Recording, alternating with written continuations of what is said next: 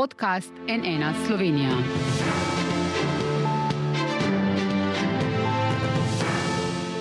Dobro dan, to je NN studio. Torek bo dan D za Slovenijo in njeno diplomacijo.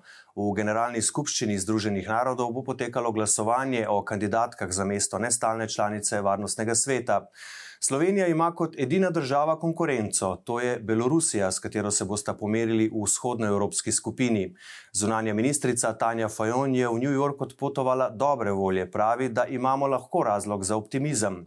A glasovanje je tajno in lahko traja praktično v nedogled. Za izvolitev je potrebna dvotretinska večina. V četrtem krogu se lahko pojavijo tudi nove kandidatke. Se torej lahko kaj zalomi in kaj, na čigavo podporo lahko Slovenija računa, ji lahko škodijo izjave, da je pravzaprav kandidatka ZDA in zahodnih zaveznic. Čigav poraz bo to, če nam ne uspe. V studiu prav lepo pozdravljam današnja gosta, oba dolgoletna diplomata in tudi stalna predstavnika Slovenije eh, pri OZN v New Yorku, profesor dr. Ernest Petrič. Dobr dan, dan. dobrodošli in gospod Roman Kiren. Dobr dan. Dobar dan. Začneva pa mi dva, profesor Petrič. A imate tudi vi pred tem glasovanjem dober občutek, če ne bo presenečen in bodo vse države z glasovalno pravico prisotne in glasovale, bi morala Slovenija za izvolitev zbrati 128 glasov. Ocene so celo, da proti Belorusiji Rusiji pa Slovenija res ne more izgubiti. Ja, se strinjate s tem?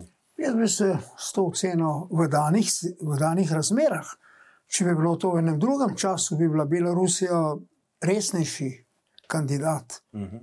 uh, v tej situaciji, kakršna je, pa sem optimist. Poglejte, par besed bom samo rekel. Uh, 140, trikrat je v generalni skupščini, 140 plus držav članic podprlo resolucije, ki so obsojale Rusko federacijo.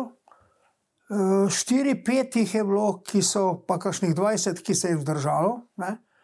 Tako da, izhajajoč iz tega, to dejstvo, da je Slovenija med državami, ki so zauzele načelno stališče do agresorja in do agresije, pravzaprav ne bi smelo biti nek prevelik problem. Res pa je, da nikoli ne veš.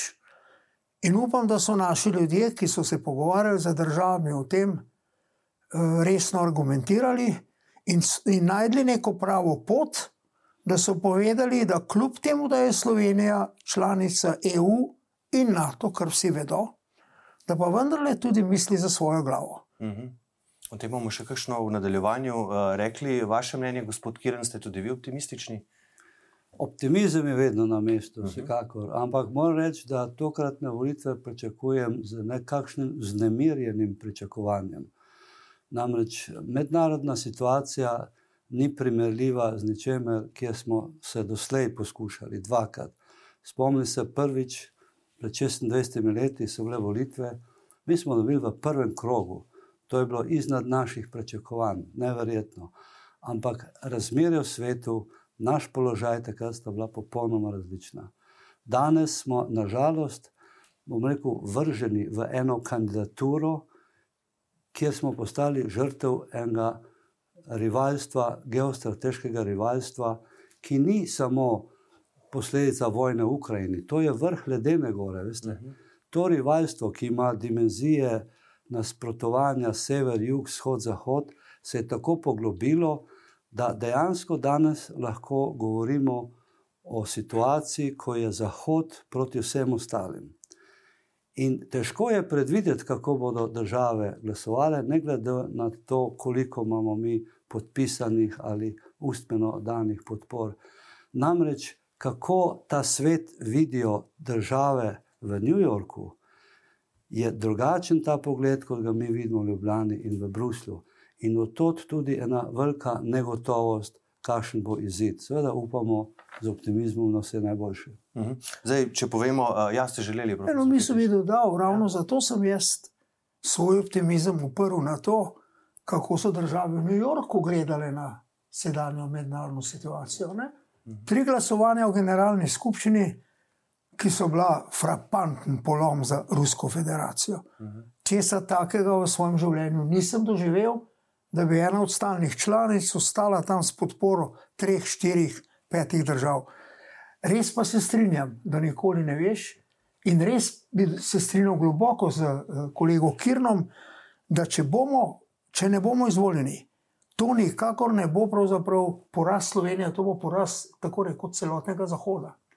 Tako da tu, tu smo vjeti v neke razmere, geopolitične, ko pravzaprav igrajo pomembno vlogo tudi tiste stvari, ki so izven naše presoje ali, če hočete, izven nas. Mhm. Zdaj, če povemo še nekaj več o samem poteku glasovanja, kot rečeno, je tajno, nikoli ne bomo vedeli, kako je eh, kdo eh, glasoval za res. V prvih štirih krogih se lahko glasuje le za Slovenijo in Belorusijo. Na to pa bo na glasovnici tudi prazna črta, na katero se lahko napiše katero koli od držav iz uh, vzhodne evropske skupine. Število krogov ni omejeno, v preteklosti je celo bilo nekaj primerov z več deset krogi volitev, ki so potem trajale celo do več tednov. Ali tokrat pričakujete kaj podobnega, gospod Kiren? Da bi se tako vleklo, da bi bila taka drama. Jaz mislim, da se tako dolgo ne bo vleklo. Mislim, da bo veliko tega jasnega ali jasnejšega po prvem krogu glasovanja, ko bomo videli, kakšno je osnovno razmerje. Ne pozabiti, da kandidature za varnostni svet so takega tipa, kjer se trguje. In Belorusija je imela čas za trgovanje tako kot 14 let, to se pravi sklepanje vzajemnih zavez. Zdaj, te zaveze praviloma trajajo samo za prvi krog glasovanja.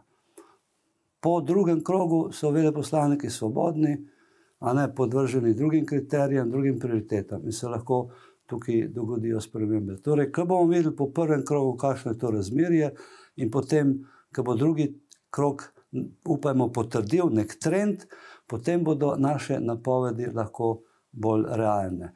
Treba je pa tisto, kar se jaz bojim, veste. Ne? Jaz pravim, tisto, kar mi dva z dr. Petičem tukaj ne veva. Če bi pa zdaj bila mi v New Yorku, kot so nekoč bila, pa verjamem, da bi z veliko gotovostjo vedela, kakšno je stanje duha. Uh mhm. -huh.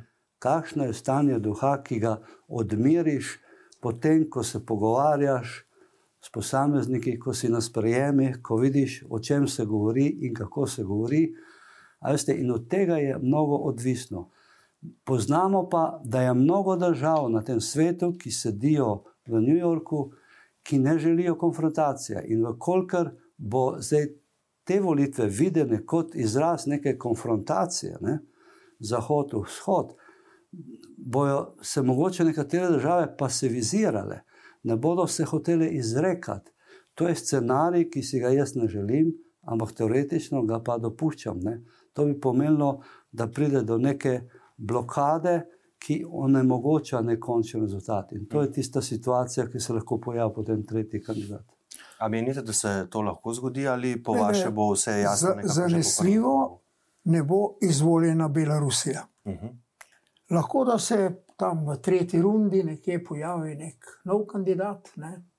če, bo tako, če bo to tako kazalo, ampak jaz mislim, da se ne bo šlo v to smer. Uh -huh. uh, res pa je, in to želim povedati nekako v obrambo našim diplomatom. Slovenija vedno v podobnih kandidaturah nastopa v izjemno težkem položaju.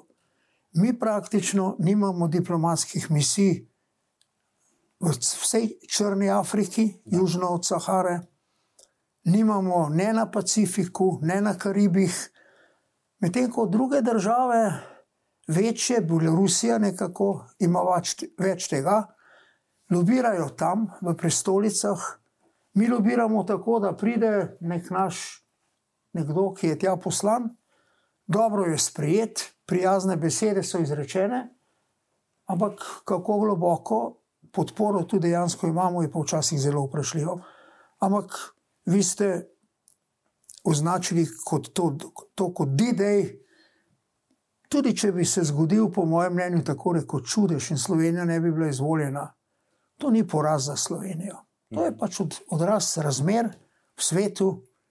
Uh, upam, da so naši diplomati in diplomacija delali ambiciozno, v redu, da so uspeli pokazati, da Slovenija, kot sem že prej rekel, kljub temu, da je članica določenih povezav in bo to še ostala, da vendarle misli tudi svojo glavo. Ja, nagovorili ste predstavnike 186 držav, od 193 spustili ste samo Rusijo, Belorusijo, Afganistan, Severno Korejo in uh, takšne uh, države. To, kar je prej gospod Kiren omenil, trgovanje z glasovi. Ste vi to kdaj zaznali, profesor Petrič, kako je to? Te, s tem sem bil zelo seznanjen tudi pri mojih kandidaturah, uh mhm. -huh. ko sem jaz kandidiral v generalni skupščini trikrat.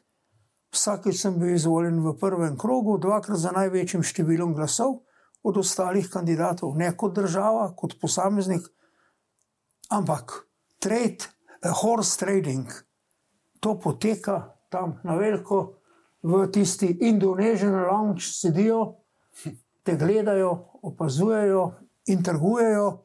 Tudi tu je Slovenija na nek način šipka, ampak imam občutek, da vendarle smo pravočasno začeli s to kandidaturo, čeprav malce kasno, ne, in da smo bili prepričljivi.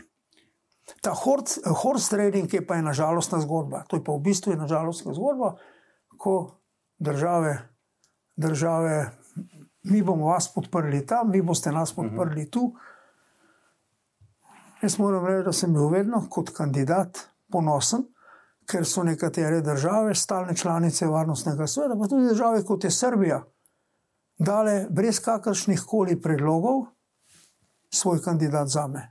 Te, te, te glasovi so mi največ pomenili. Mhm. Kako se pa vi spomnite teh ja, kupčkanj? To je, to je realnost. Veste, to je realnost. Zato jaz pravim, da je ta horse trading, ne sprav sklepanje vzajemnih povezav, to je tretja faza v procesu, bom rekel, eh, te kandidature. Tretja faza. Ne gre brez tega. Danes ne more nihče preživeti brez tega. To je žalostno dejstvo. Žal. Zato sem rekel, da je imela Belorusija tu eno prednost. Namreč kandidatura za varnostni svet, jaz pravim, to je mati vseh kandidatur. In, in teh uh, priložnosti zmanjka, veste, potem, ne? ker, ker ne moreš ti vezati kandidature za varnostni svet, vem, kandidature za ekosok ali za en odbor, veste, ni primerljivo, ni, ni, nima enake teže. Tako da, tako da tu nam, nam lahko zmanjka daha, bom, bom rekel. Ja, profesor Petrič je sam v bistvu že rekel, da Belorusija ne bo uh, izvoljena. Kakšna protikandidatka pa je pravzaprav nekaj, ste že omenili, kje imajo morda prednost pred Slovenijo. A, a vidite morda še kakšno njeno prednost uh, pred Slovenijo v tem danem uh, trenutku? Vemo, da se že leta uh, trudi, da bi prišla v varnostni svet. Poglejte, jaz nimam težav reči sebi in, in javnosti, da je Slovenija boljša kandidatka. In, in s tem mislim iskreno. Po, po, rekel, po tem, kako deluje, se obnaša, kakšna je notranja politična. Ampak, veste, to nam še ne prinaša samo po sebi zmage. Uh mhm. -huh. Ta horse trading je prisoten v, v New Yorku še, še kako. Ne? In mi moramo vedeti potem, s čim lahko neutraliziramo nekatere, nekatere stvari. Naša, naša glavn, naše glavno breme je to zdaj, o čemer sta dva veleposlanika na tistem zaslišanju govorila, ker so in Belorusi in Rusi dobro izkoristili, da nas napadajo, da bomo mi kandidat Zahoda. Kako se otresti te predstave, da za nami stojijo Združene države Amerike. Veste, to, je, to je neka predstava, jaz ne vem, koliko je to realno prisotno. Če je to resnično, še vedno prisotno, potem bo to za nas problem. Tudi ne vemo, kakšno je to stanje duha v vzhodnoevropski skupini. Veste, to, je, to, tista, to pa je druga faza naše kandidature, ki jo moš umestiti v mrežni plan kandidatur eh, skupine. Nekaj pozabljamo vsi. Ne? Ves, vse naboje, ki jih Rusija in Belorusija streljata, je, da je to krivično, zdaj, da je Slovenija vstopila noč. Noč ni to krivično, Ta, te kandidature so odprte do, do konca. Mm. In nekaj je dejstvo. Belorusija, kljub temu, da je že 2007 vložila kandidaturo, nisi zagotovila vnaprejšnje polne podpore regionalne skupine, ko se reče, da je to potem clean slate, ko se cela grupa reče, podprli bomo to državo in zaključimo. E, zanimivost teh volitev je ravno v tem, da je edino vzhodna evropska skupina tista, ki bo imela prave volitve. Mhm. Vsi ostali so se zmenili, dogovorili in ta, te pod, te, tega dogovora se vsi držijo, tako da te volitve za ostale bodo samo formalnost. Celo drugo leto, ki bo zahodna evropska skupina, kjer jaz še nisem videl, da bi, da bi se vnaprej uskladili, ker tam je vedno tekmovanje najbolj ostro. In so se dogovorili, clean slate za dve državi, to je neverjetno. Vzhodna evropska skupina, pa veste, kljub eno, geografske enovitosti, je najbolj razdeljena politično in ideološko regionalna skupina. Najbolj. Če rečemo, mogoče še kakšno o ostalih članicah varnostnega sveta za Rusijo, seveda vemo, koga podpira. Kaj pa Kitajska, profesor Petrič?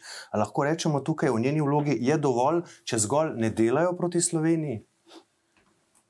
To je že nekaj, če ne delajo proti Sloveniji. Ampak gledajte, v vseh teh razdeljenostih in v vsem tem, uh, kako bi rekel, negativnem odnosu do Združenih držav Amerike in tako naprej.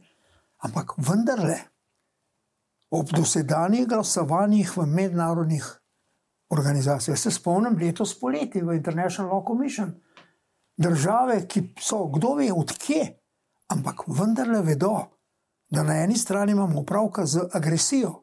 In če nas bremeni to, da smo malce desne, ali ne vem kako bi rekel, eurocentrične ali kakšne porovenjence, predstavljajte se, kako pri številnih državah, manjših, na otokih, pa ne vem kje, bremeni Belorusijo to, da podpira flagrantno, flagrantno in očitno agresijo, ki je bila v tej isti generalni skupščini, ki bo jutri glasovala, obsojena za agresijo, pozvana, da agresijo preneha in tako naprej trikrat, vedno za večino 140 glasov, plus. mi jih pa rabimo koliko? 130. Ja, za dr. Petrič, ja. te glasove, to je dobro, so tam te glasove ne moramo prenesti v potencijalne glasove ob volitvah za nestano članico.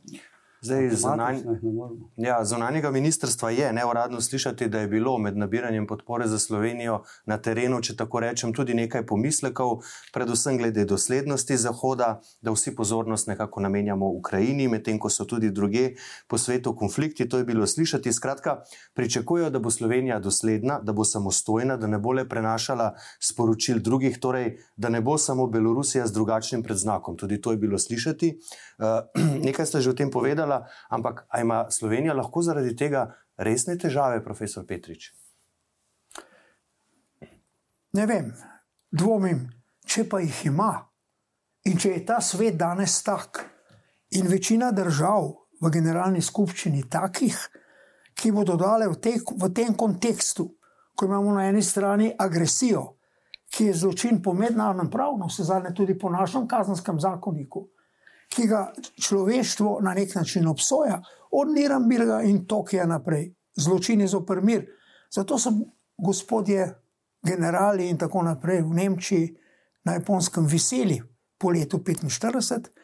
Če je tako, da bo ta svet dal prednost potem državi, ki očitno podpira agresijo, da je na razpolago svoje ozemlje in tako naprej, agresorju, potem pa me postaja strah potem pa me resnično postaja strah. Vaše mnenje o tem, ali imamo lahko težave zaradi tega, ali se bo morda zato. Ali je zato morda večja verjetnost, da bi se pojavila kakšna tretja no, sej, država? Jaz sem to že namignil, ne, da, da lahko se to zgodi, da države ne, v bojazni, da bo se zadeva konfrontirala, se raj držijo malce ne, ob strani in potem pritegnejo neki novi, neutralni rešitvi. Ne. Veste, ampak, ampak, kolega Kiren, iz vzhodne evropske skupine, ta tretji ne more biti od neke druge. Ja, ja, sej, ampak. Ne, ja. Ampak, zdaj, če pa gledamo po letu, ja, pa se izbor zoži. Veste, sej, to je en od paradoksov te evropske regionalne skupine. Ima 23 članic, od tega je 11 članic EU in 14 članic NATO, ne? pa še neki, ki bi rade to postale. Tu, ampak, seveda, izhodne evropske skupine bi morali biti. Ko smo mi prvič dobili te volitve, dejansko se s to bojaznijo nismo ukvarjali. Mm. Še nismo bili članica ne EU, ne NATO. Ne. Mm. In to je, in, in verjemite, ker smo delali, jaz sem to tudi hodil po svetu, ko smo delali kampanjo, nas so obravnavali, da ja, se vi ste iz bivše neurčene Jugoslavije. To smo kar avtomatično dobili, ne? mm -hmm. neke, neke pluse na, na ta račun. Ne? To je handicap, ampak to je objektivni handicap. Mislim, te mi, s tem moramo živeti. Ne? Večji učinek ima bolj zaradi tega, ker je to del vzhodne evropske skupine. Ker v zahodni evropski skupini tudi drugi vejo, vsi so iz istega gnezda. Ne? Te pa imamo skupino, ki sta dva gnezda. Mm -hmm. Tako da to, to, to bo problem. Ampak problem ni samo to. Ne? To je objektiven problem, kjer bo resno to se treba zamisliti, se strinjam, to je odraz neke svetovne realnosti, ki je nažalost taka. Ampak veste, tisto, kar pa doma moramo narediti. Ne? In doma pa nismo vsega naredili. Ko ste ravno omenili, eh, kaj počnemo doma. Ne? Vlada Roberta Goloba je to kandidaturo v bistvu podedovala od prejšnje vlade. Eh, Janez Janša je zdaj nedavno celo zapisal, citiram, da je Slovenija kandidaturo vložila na izredno prošnjo ameriških in evropskih zaveznikov v EU in NATO, ki nudijo slovenski diplomaciji vse stransko pomoč pri zagotavljanju podpore v generalni skupščini. Konec citata. Zdaj, zunanja ministrica Tanja Fajon pravi, da je eh, Janšava SDS za škodovanje države in zrušitev vlade pripravljena narediti prav vse, ali dejansko lahko takšne izjave škodijo slovenski kandidaturi, sploh če upoštevamo vse to, kar smo v bistvu do tega trenutka v tej vdaji že povedali, gospod Kiren. Poglejte, velika naivnost bi bila neverjet, da te stvari pridejo in v prestolnice vseh držav, lahko, in, in v New York. Veste, danes, kar pogledajte, tisti, ki se s tem ukvarjajo, ni treba, ne, niti da, da gre dva metra stran, glede na svoj računalnik, in stvari preverja. Ne. Mi smo s to izjavo prvaka SDS dali močan protiargument, a ne v roke Belorusiji in, in Rusiji. To, je, to priznanje je prišlo strani bivšega predsednika vlade, ki je v bistvu na njegovi seji bila sprejeta ta, ta odločitev. Ne. Tako da od tu naprej več o, o enotnosti slovenske zunanje politike a, ne moremo govoriti. Jaz ne rečem, zdaj, da je to odločujočega pomena zdaj, za volitve gor, ali je, ali je nacionalna politika poenotena. Uh, ampak sigurno, da, da ne dela dobro. Ne? Da je to namreč ta, ta vest, ne, ta izjava povečuje, okrepi govorice, da Slovenija ni samostojen kandidat. In tega se je, pravim, tega se je težko potem utresti, če, če se to usede v glavah nekih držav. Vaše mnenje o to vrstnih izjavah, profesor Petrič? Morda bo kdo to izjavo zlorabljal. Ampak gledajte, tisti, ki nas poznajo, tisti, ki poznajo Evropo, vendar vejo, kdo je Slovenija in kje Slovenija stoji. In Slovenija je članica NATO.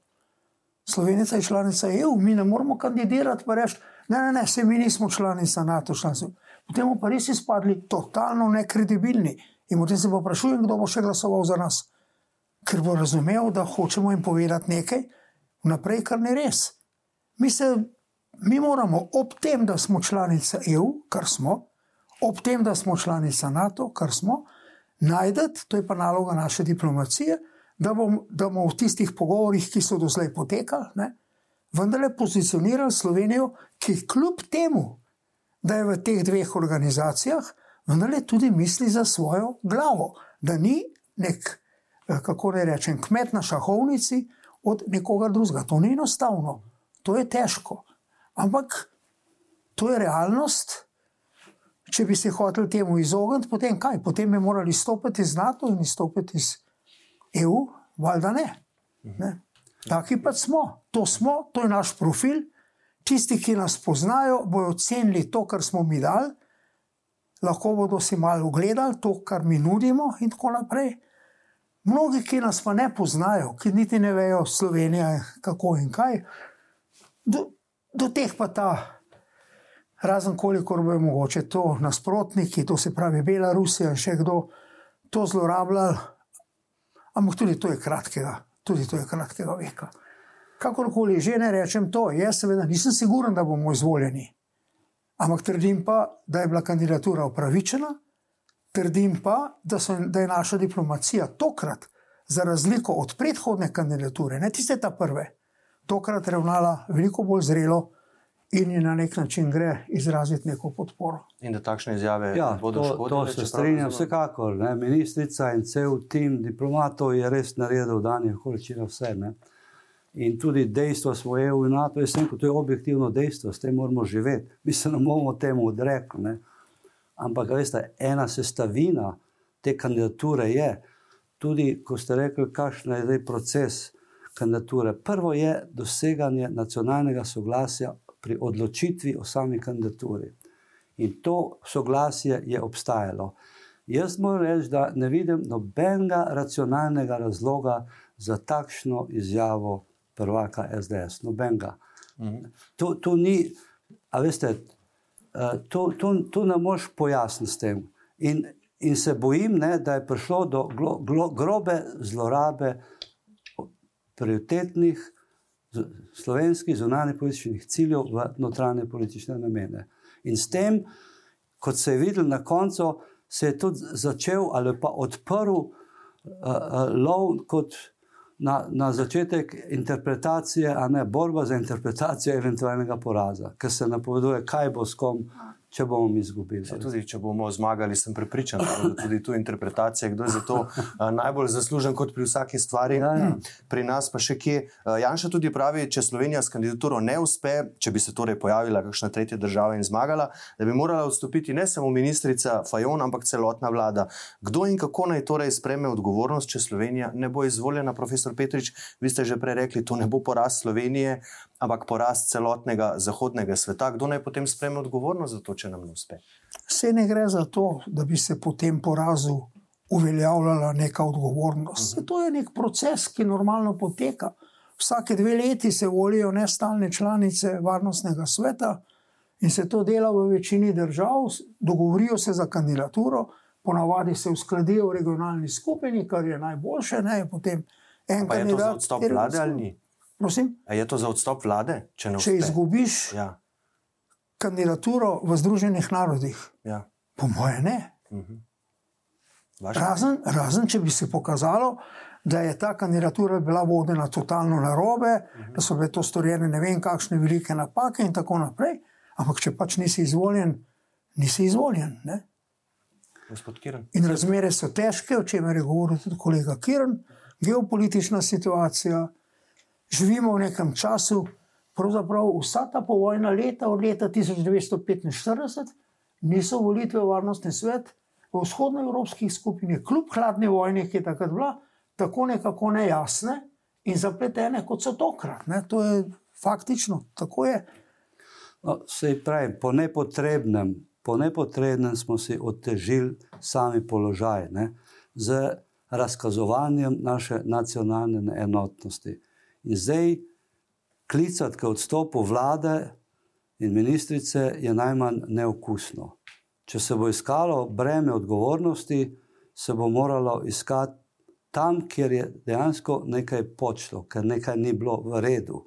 In če ugotovimo, da je slovenska diplomacija res da dala vse od sebe, kar je lahko, da je naredila, in da smo imeli nacionalno enotnost dolgo, in se s tem tudi lahko bom rekel, pohvalili tudi v svetu, te enotnosti ni več in veste, kdo jo je razbil.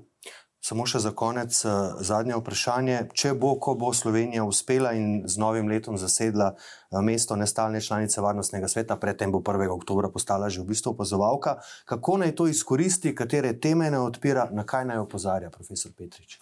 Glede, to vprašanje, kot ste ga zastavili, kako naj Slovenija to izkoristi, je pravzaprav malce mm, težko. E, zakaj? To ni funkcija, kjer bodo šle države in so izvoljene, da bodo one tam nekaj storile zase in tako naprej. To je prevzem neke odgovornosti za soodločanje o vprašanjih miru in varnosti, najtežjih v tistem dvoletnem obdobju. Tam si ti izvoljen in tam je tvoja funkcija, da če se poenostavljeno izrazim, skrbiš za mednarodni mir in varnost. To se pravi, da je manevrski prostor za to, da bomo mi zdaj tam prišli, kot slišim, z nekimi projekti o vodi, pa z ne vem o čem, izredno zožen. Je pa ena, ena možnost, pa je, ki lahko da naši vlogi v tem varnostnem svetu nek poudarek, ki ste jo vi že nekaj omenili. Pred leti, ko je bila kubanska kriza in podobne situacije, so padale izjave iz Washingtona in iz Kremlja, mi prvi jedrsko orožje ne bomo uporabili. V ukrajinski krizi je bilo malo tih izjav. Padale so izjave, predvsem iz Kremlja, kaj utegnejo biti cilji, pa o taktični uporabi jedrskega orožja in tako naprej. Nekaj, kar je bilo, kar je v bistvu zastrašujoče. V času kubanske krize sta obe strani rekli, mi prvi jedrsko orožje ne bomo uporabili. No, hočem, hočem to povedati, da verjetno smo danes v položaju, ko bi lahko neka nestalna članica varnostnega sveta Slovenija mogoče vodila k temu, da bi mogoče prišlo do nečesa podobnega, da bi se države, ki imajo nuklearno orožje, nekako zavezale z neko izjavo, prvi nuklearno orožje ne bomo uporabili. To je ena tako zanimiva tema in o tem, če sem vas prav poslušal, ste približno tudi vi govorili, kolega Kirn. Ja, to je res in to bi bil moj edini, bom rekel, kritičen razmislek ob tem, s čim, s kako prtljago gre Slovenija. Mislim, da smo zamudili priložnost.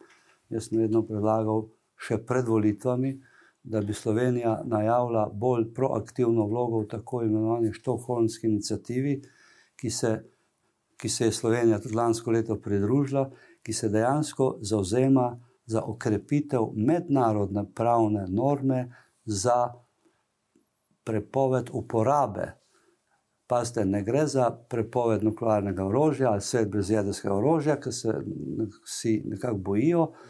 Z istim nazivom je sprejela nedavno G skupina G7 v Hirošimi resolucijo o tem. Se pravi, da največje, najbolj razvite države priznavajo težo problema, da se doseže en multilateralni dogovor, da se preprosto uporaba prepove. Zdaj, tisto, pa, kar predstavlja za naš sedenje, za sedežem varnostnega sveta, priložnosti in izziv, bodo priložnosti, nedvomno. Upam, da jih bomo te izkoristili, ker bomo le sedeli za eno mizo eminentnih predstavnikov, ne, kjer, kjer dejstvo, kako ti deluješ, kako nastopaš, kako z argumenti. Nekaj pa treba vedeti, da je to strašansko velik izziv. Če se spomnite, vedno je kak ambasador bil, ki so bili varnostni na svetu, rekel, glava me boli. Kaj smo šli v, te, v to kandidaturo? Kaj ti? Tudi nas je bolelo v Ljubljani. Tudi nas. Kaj ti, kaj se tam dogaja? Veste, to ni častna loža, ne, 15 predstavnikov. Tam se treba vsakodnevno opredeljevati, odločati. Tam ni prostora, da greš v neko brezveterje in da čakaš na nekoga, kako se bo on odločil in da mu boš sledil, ni prostora za neodločnost. Se pravi, moš imeti jasna stališča in trdna stališča. In tisto, kar je še čas, da bo slovenska diplomacija zdaj naredila, jaz ne vem, mogoče sem, nisem videl, ampak ko smo mi prvič kandidirali, smo že v fazi kandidature.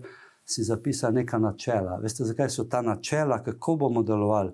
To je načelo od samega neodvisnosti, samostojnosti, spoštovanja seveda ustanovne listine, mednarodnega prava, ampak tudi moralnosti, konsistentnosti, pravičnosti. A veste, to so načela so zato, da nas ne bo premikal sem in tja, kaj ti tam ne, si ne delaš samo prijateljev, kako glasuješ, si delaš tudi sovražnike. Ampak če glasuješ načelno, a veste, strdnih, eh, bom rekel, izhodišč, potem je to tisto, ki je najbolj pomembno za slovenski izplen v teh dveh letih, če bomo do tega prišli. Da smo država pokončna, ki ima jasno svojo zunanjo politiko, ki se jasno in odločena tudi za ta načela zauzema in ni podvržena pritiskom in pričakovanjem tretjih držav. Tole bi dodal. Takrat, mislim, da je bilo devet let potem, ko smo postali neodvisna država, smo postali sta, sta, eh, nestalna članica Varnostnega sveta. Po moji vednosti, morda se kaj motim, takega primera ni bilo.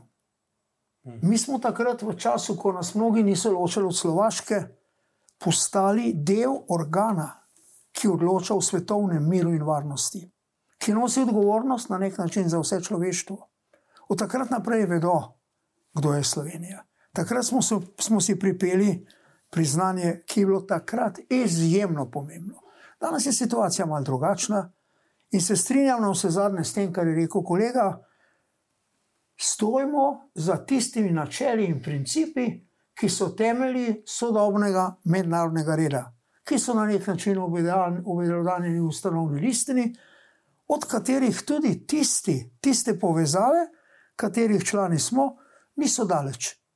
In tu kakšnih posebnih težav ni. Tako da lahko, če bomo izvoljeni, upam, da bomo, verjamem, da bomo dobro upravimo to delo in se znova potrdimo kot neka resna država, ki je sposobna nositi tudi najtežje odgovornosti. Tega si vsi želimo, bomo seveda videli v torek, pozno popoldne zvečer. Upamo, da že kaj se je zgodilo. Za danes pa spoštovana gosta, gospod Kiran, profesor Petrič, najlepša hvala, da ste prišla na eno. Hvala, hvala za dan.